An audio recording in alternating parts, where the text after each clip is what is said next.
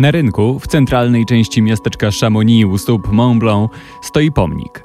Przedstawia dwóch mężczyzn wpatrujących się w szczyt najwyższej góry Alp.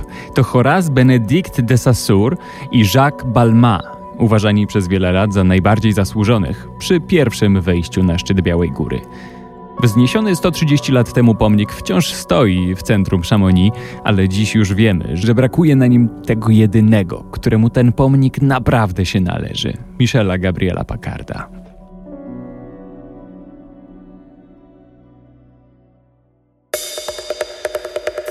Głowa do góry, podcast.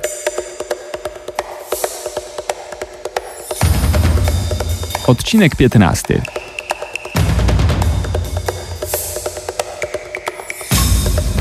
Mont Blanc. Historia alpinizmu zaczęła się od kłamstwa.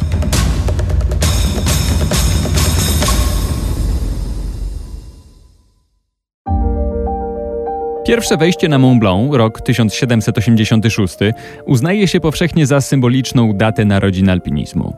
Mowa tu jednak o alpinizmie takim, jakim znamy go dziś, bo za pierwsze formy alpinizmu, jak pisze Jerzy Hajdukiewicz, uznajemy już starożytne legendy. W nich góry najczęściej stanowią siedzibę bogów. Ten okres nazywamy legendarnym alpinizmem.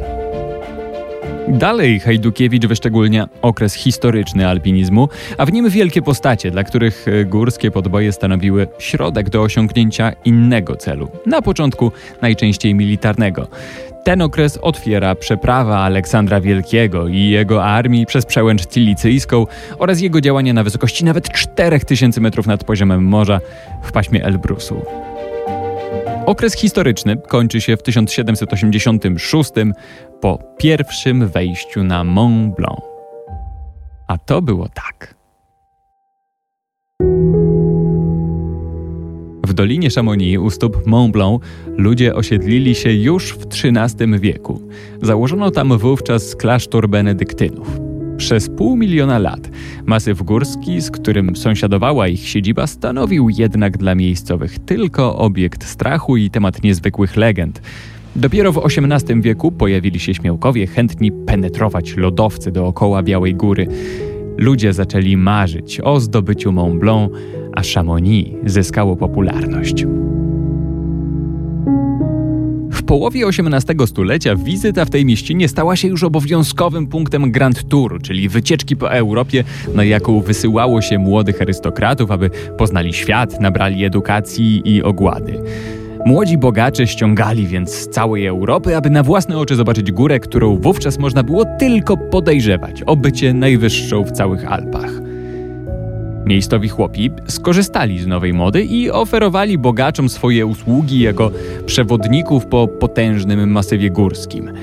Dzięki temu rok po roku mieszkańcy Chamonix doskonalili się w poruszaniu po tym ekstremalnie trudnym terenie. W 1760 roku do Chamonix przybył również bogaty naukowiec z Genewy Horace Benedict de Saussure. I do tego stopnia zachwycił się tym, co tam zobaczył, że resztę swojego życia poświęcił na studiowanie gór i lodowców. Sam zaczął zapuszczać się w dziewicze alpejskie tereny, a dla pierwszego człowieka, który zdoła osiągnąć wierzchołek Mont Blanc, wyznaczył potężną nagrodę pieniężną. Liczył jednocześnie, że śmiałek, który podoła temu zadaniu, potem wprowadzi na szczyt również jego samego.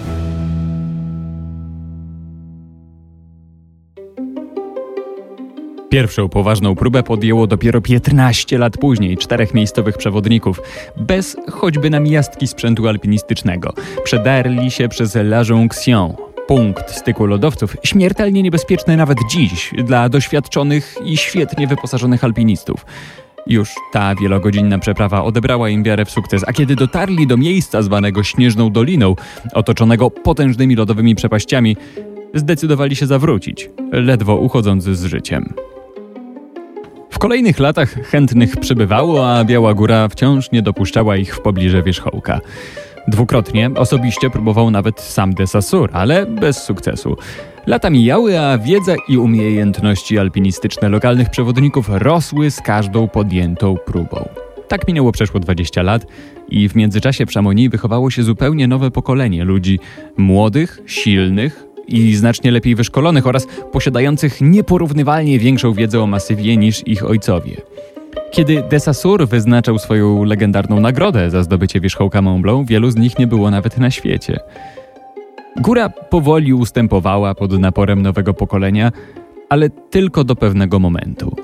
Po latach prób przewodnicy opracowali optymalną drogę w kierunku szczytu wiodącą północno-zachodnim żebrem przez szczyt Dom du Goutier, połączony z wymarzonym wierzchołkiem długą granią. Droga do Dom du Goutier nie stanowiła już dla szamonijskich przewodników wielkiego problemu, ale ów finalny odcinek, grań prowadząca do chwały, spełnienia marzeń i fortuny de Sasura był wciąż ponad ich siły.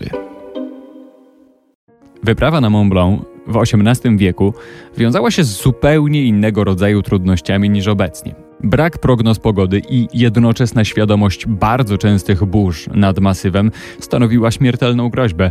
Techniki alpinistyczne wówczas po prostu nie istniały.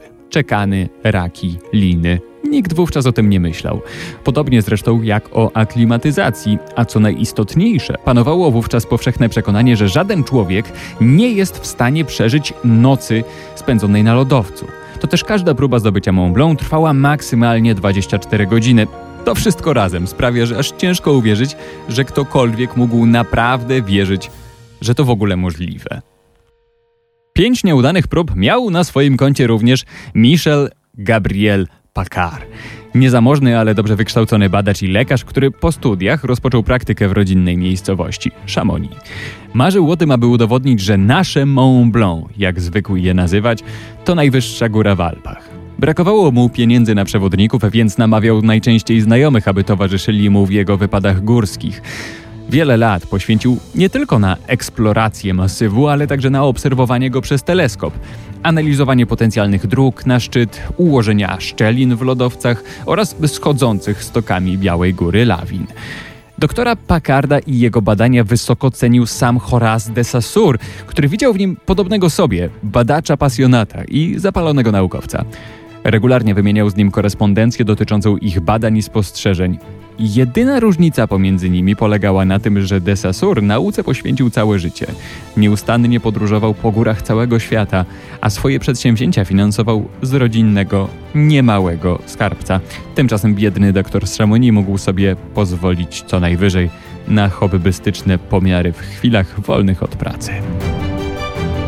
Przełom lipca i sierpnia 1786 roku przyniósł trzytygodniową burzę, szalejącą nad masywem Mont Blanc.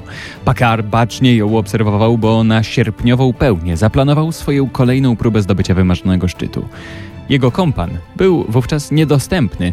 Paccard połączył więc siły z Jacquesem Balmatem, lokalnym łowcą kus i poszukiwaczem diamentów, o reputacji oszusta i zarozumialca.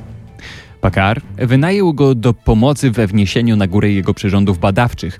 Oprócz umówionej zapłaty obiecał Balmatowi, że w przypadku sukcesu pozwoli mu zgarnąć całą nagrodę Desasura dla siebie. Pakarda bowiem interesowało tylko wyzwanie górskie oraz naukowe pomiary.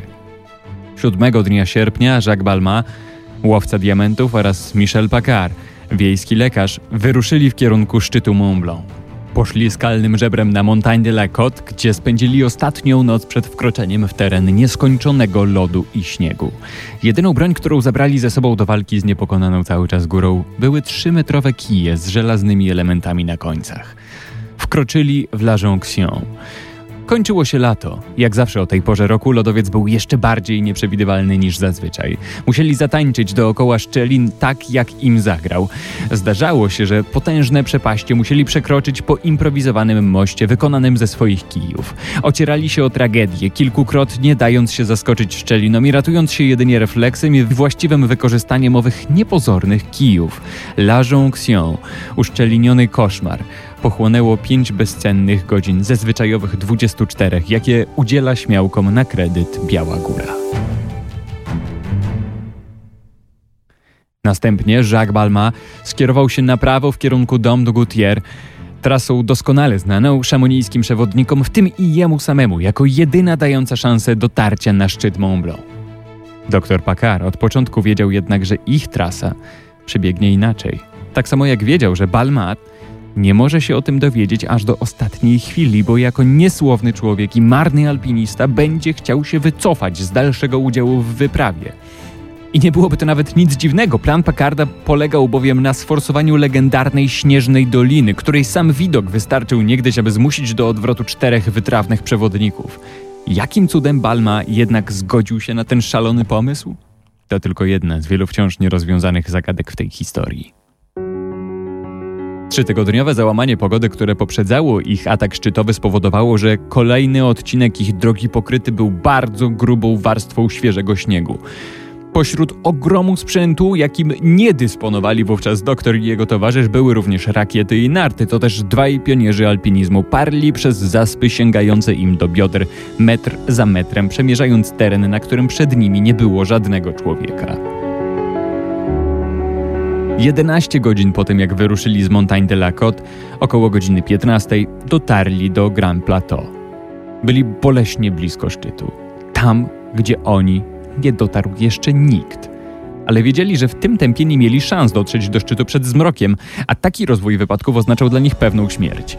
Nie posiadali doświadczenia ani wiedzy, które powiedziałyby im, że już wkrótce na owiewanej wiatrem grani będą w stanie poruszać się zdecydowanie szybciej. Trudno więc powiedzieć, co kazało im podjąć to szalone ryzyko, ale parli dalej do góry. Byli teraz na terenie, który doktor bacznie obserwował od bardzo dawna i wiedział, że gdzieś w ostatnim stromym stoku, który pozostał im do pokonania, jest półka śnieżna, która może ich doprowadzić na szczytową granię. Gdyby tę wspinaczkę obserwował podróżnik w czasie z naszego świata, byłby to pewnie widok łamiący serce. Ów stok z rakami na nogach, czekanym w ręku i liną do dyspozycji nie stanowi ani większego problemu, ani zagrożenia, ale dla wyposażonych jedynie w długie kije śmiałków to była śmiertelnie niebezpieczna przeprawa. Tym bardziej, że Balma i Packard nie mogli nawet przypuszczać, jakie spustoszenie w ich organizmach powoduje coraz rzadsze powietrze. Siła i upór, jakimi musieli się wykazywać, aby dotrzeć na szczyt Mont Blanc, zasługują na najwyższy podziw, a nie ludzkie zmęczenie i ból, które musiały im towarzyszyć tam, na wierzchołku, możemy sobie tylko wyobrażać. A przy tym wszystkim, dr Packard nigdy nie zapomniał o swojej misji – po drodze wielokrotnie zatrzymywał się, aby dokonywać pomiarów barometrycznych i podobnie na szczycie poświęcił na to pół godziny. Szalenie cenne pół godziny. Była 18.30, kiedy dotarli na szczyt. Do zachodu słońca pozostały dwie godziny, a oni mieli przed sobą drogę, która w pierwszą stronę zajęła im ponad 14 godzin. W drugą uwinęli się w niecałe pięć, a kluczowe momenty ich wspineczki, jak się później okazało, były bacznie obserwowane przez teleskop przez niejakiego barona von Gersdorfa. Wieść o sukcesie szybko rozniosła się po Chamonix. Legendarna nagroda de Sassura miała w końcu trafić w ręce tych, którzy okazali się jej godni. Ta historia mogłaby zakończyć się w tym miejscu.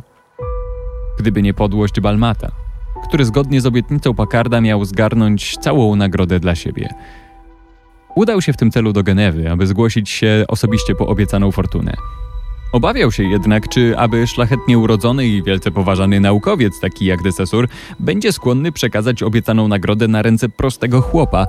Zmyślił więc alternatywną historię ich wejścia na Mont Blanc i sprzedał ją pewnemu pisarzowi, który był znany z pewnej obsesji na punkcie Mont Blanc.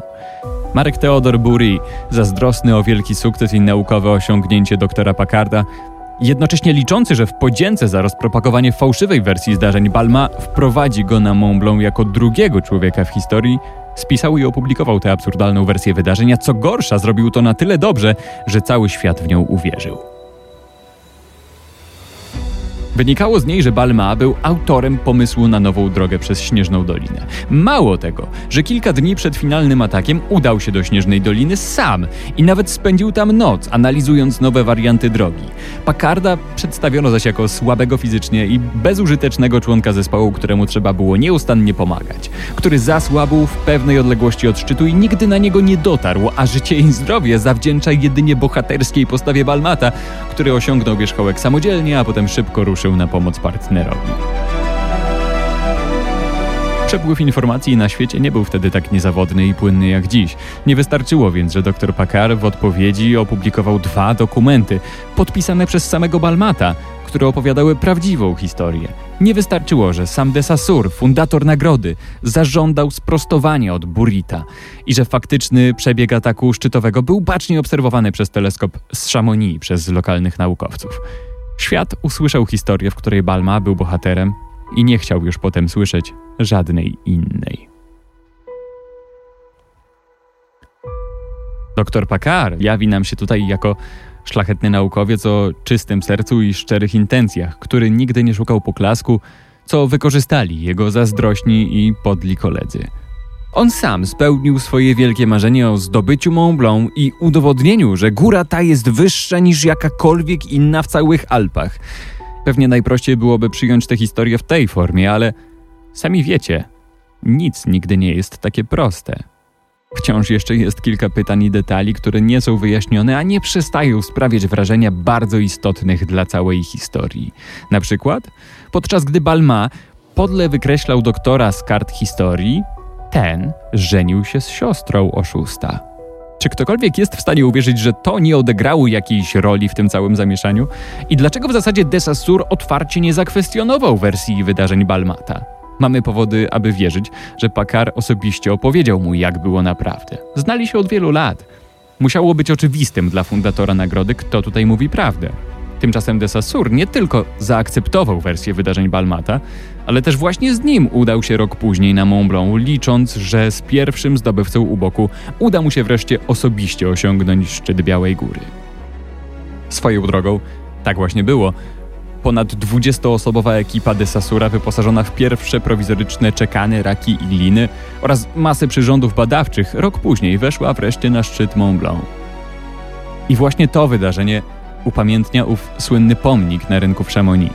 Przedstawia Horasa Benedicta de Sassura, wizjonera i pioniera alpinizmu, wpatrującego się w szczyt najwyższego szczytu Alp, a obok niego Jacques'a Balmata, człowieka zagadkę, balansującego pomiędzy mianem oszusta i bohatera. Nie wiadomo, którym z nich był bardziej, ale może kiedyś się tego dowiemy. Zanim historycy wreszcie obnażyli oszustwo Balmata i opowiedzieli światu prawdziwą historię, minęło 130 lat. Kto wie, czego dowiemy się za kolejnych 130 lat.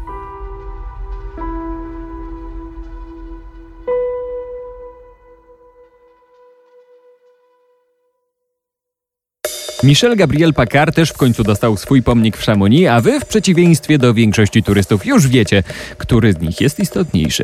Dajcie łapę w górę, jeśli wam się podobało i subskrybujcie, żeby nie przegapić kolejnego odcinka.